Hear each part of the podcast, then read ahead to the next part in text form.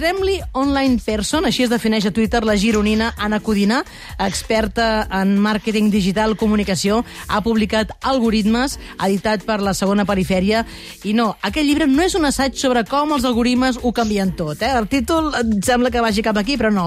És una novel·la sobre una parella que marxa a Londres, però hi apareixen moltíssims dels temes de què parlem cada dia al pop-up, xarxes socials, correus electrònics, moltíssimes coses integrades en una novel·la posada al dia. Anna, com estàs? Hola. Hola, bon dia. Sabia que em diries això de l'avió de Twitter. És bueno, que- vosaltres encara sou més online que jo, però...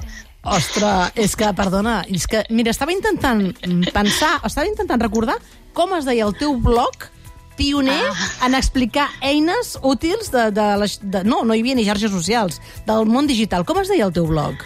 Betes i clics. I Betes després i vaig fer clics. Petits clics que vaig venir un dia a parlar-ne amb tu. Clar, però això devia ser la primera temporada del pop-up, eh? Vull dir que jo... Ostres, sí, sí, fa uns anys ja.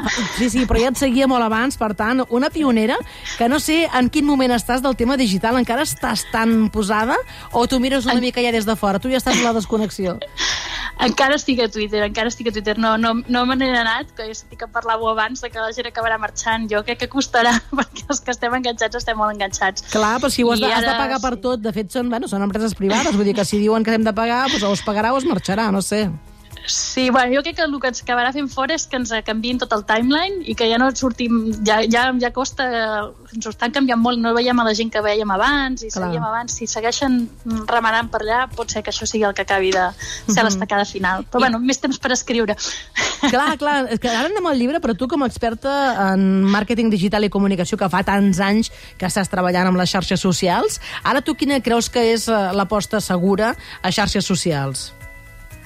Jo crec que, ostres, jo crec que l'aposta segura és tenir, és, és per, per una empresa, eh, per exemple, o per una persona, uh, una mica segons els teus objectius, no? Perquè al principi va haver-hi com la gran xarxa, que era la massiva per tothom, no? Com al principi com va haver-hi, doncs, no sé, la televisió, hi havia molts pocs canals i tothom mirava el mateix, no? Mm. I ara, doncs, hi ha segments i no, i no tothom ha d'estar a totes les xarxes, que això és una cosa que a vegades en algunes empreses els hi costa entendre, no? Potser a TikTok tu no hi tens el teu públic, però Clar. encara que sigui la cosa nova no, no té sentit, no? I crec que hem d'anar trobant una mica els nostres nínxols. Jo crec que tots estar a totes les xarxes, No bueno, cal. no és humanament possible. Ja ens costa amb les que hi ha, Clar.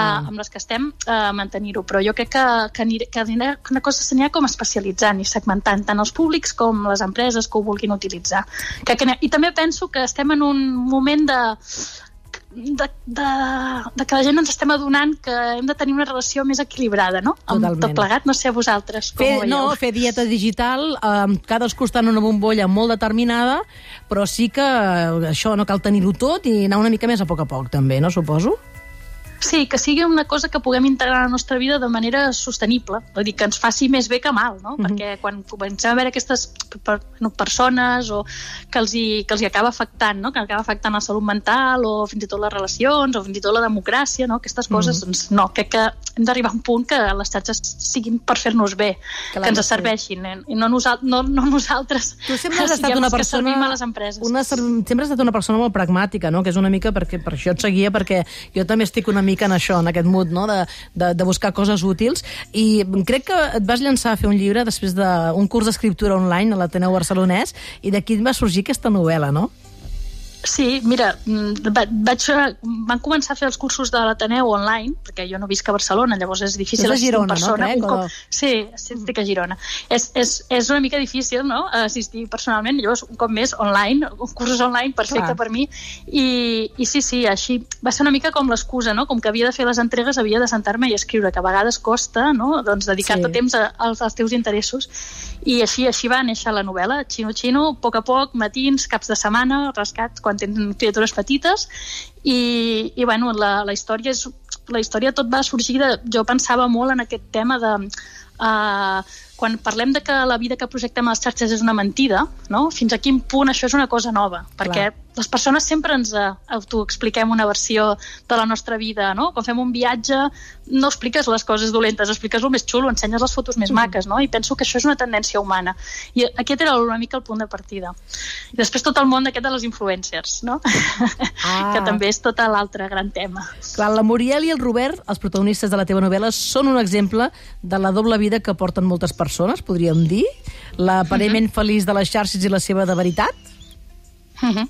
Sí, sí, bueno, una mica... La, la idea és que la, la Muriel se'n va a Londres amb la idea de ser influencer um, i vas veient al llarg de la novel·la com ella va project, intentant projectar una imatge de tot és ideal i tot és perfecte bueno, per, per fer la seva carrera, però a l'hora de la veritat, eh, darrere la façana, doncs s'han estat anant tot una mica eh, s'està tot enfonsant no? a la seva realitat i llavors, bueno, eh, això també ha contrastat una mica amb moltes altres persones que mm, intenten mostrar-se d'una manera i, i se senten d'una altra, no? que crec que és un tema com bastant universal i no només d'aquesta època. Ja. I després el, el Robert va treballar a una, a una empresa tecnològica Ah. que és l'altra cara de la moneda. Que D'aquí el nom d'algoritmes, perquè em vaig adonar que explicant la part de les influencers i aquesta vida tan performance a les xarxes, quedava per, es parlar de l'altra part, no? i és que aquestes xarxes al final les, les han creat i les gestionen i les dirigeixen i prenen les decisions unes empreses que tenen uns valors concrets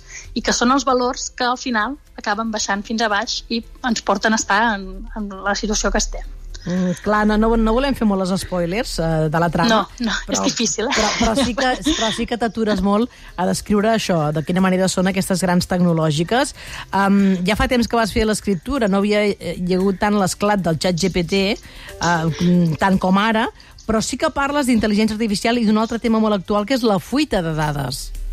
Sí, sí bueno, parlo sobretot de la, de la intel·ligència artificial o dels algoritmes, en aquest cas aplicats a la filtratge de contingut, no? que seria més el que ens afecta a totes les xarxes. Sí. Però sí, sí, el- i una mica aquests valors que dic de les empreses, no? és aquestes ganes que tenen totes de triomfar per davant de tot, a vegades per davant de la transparència, de valorar el poca valor de la privacitat dels usuaris, totes aquestes coses que crec que és el que ara ha arribat a un punt d'inflexió. Bueno, tot temes que ens preocupen, i a mi personalment em preocupen, i a mi en la ficció m'agrada molt llegir sobre temes que m'afecten i, i reflexionar-hi, no? I una mica és el Clar, que he intentat fer aquí. Però, Anna, el, que has fet tu és com bastant novedós perquè no és un manual ni, ni, no, no, no. Ni, ni un assaig, sinó que tu ho integres i, i, i de manera així com nosaltres, per exemple, fem el dimecres al Kahoot i de, mentre juguem estem aprenent coses, en aquest cas a la novel·la també passa una mica això, no?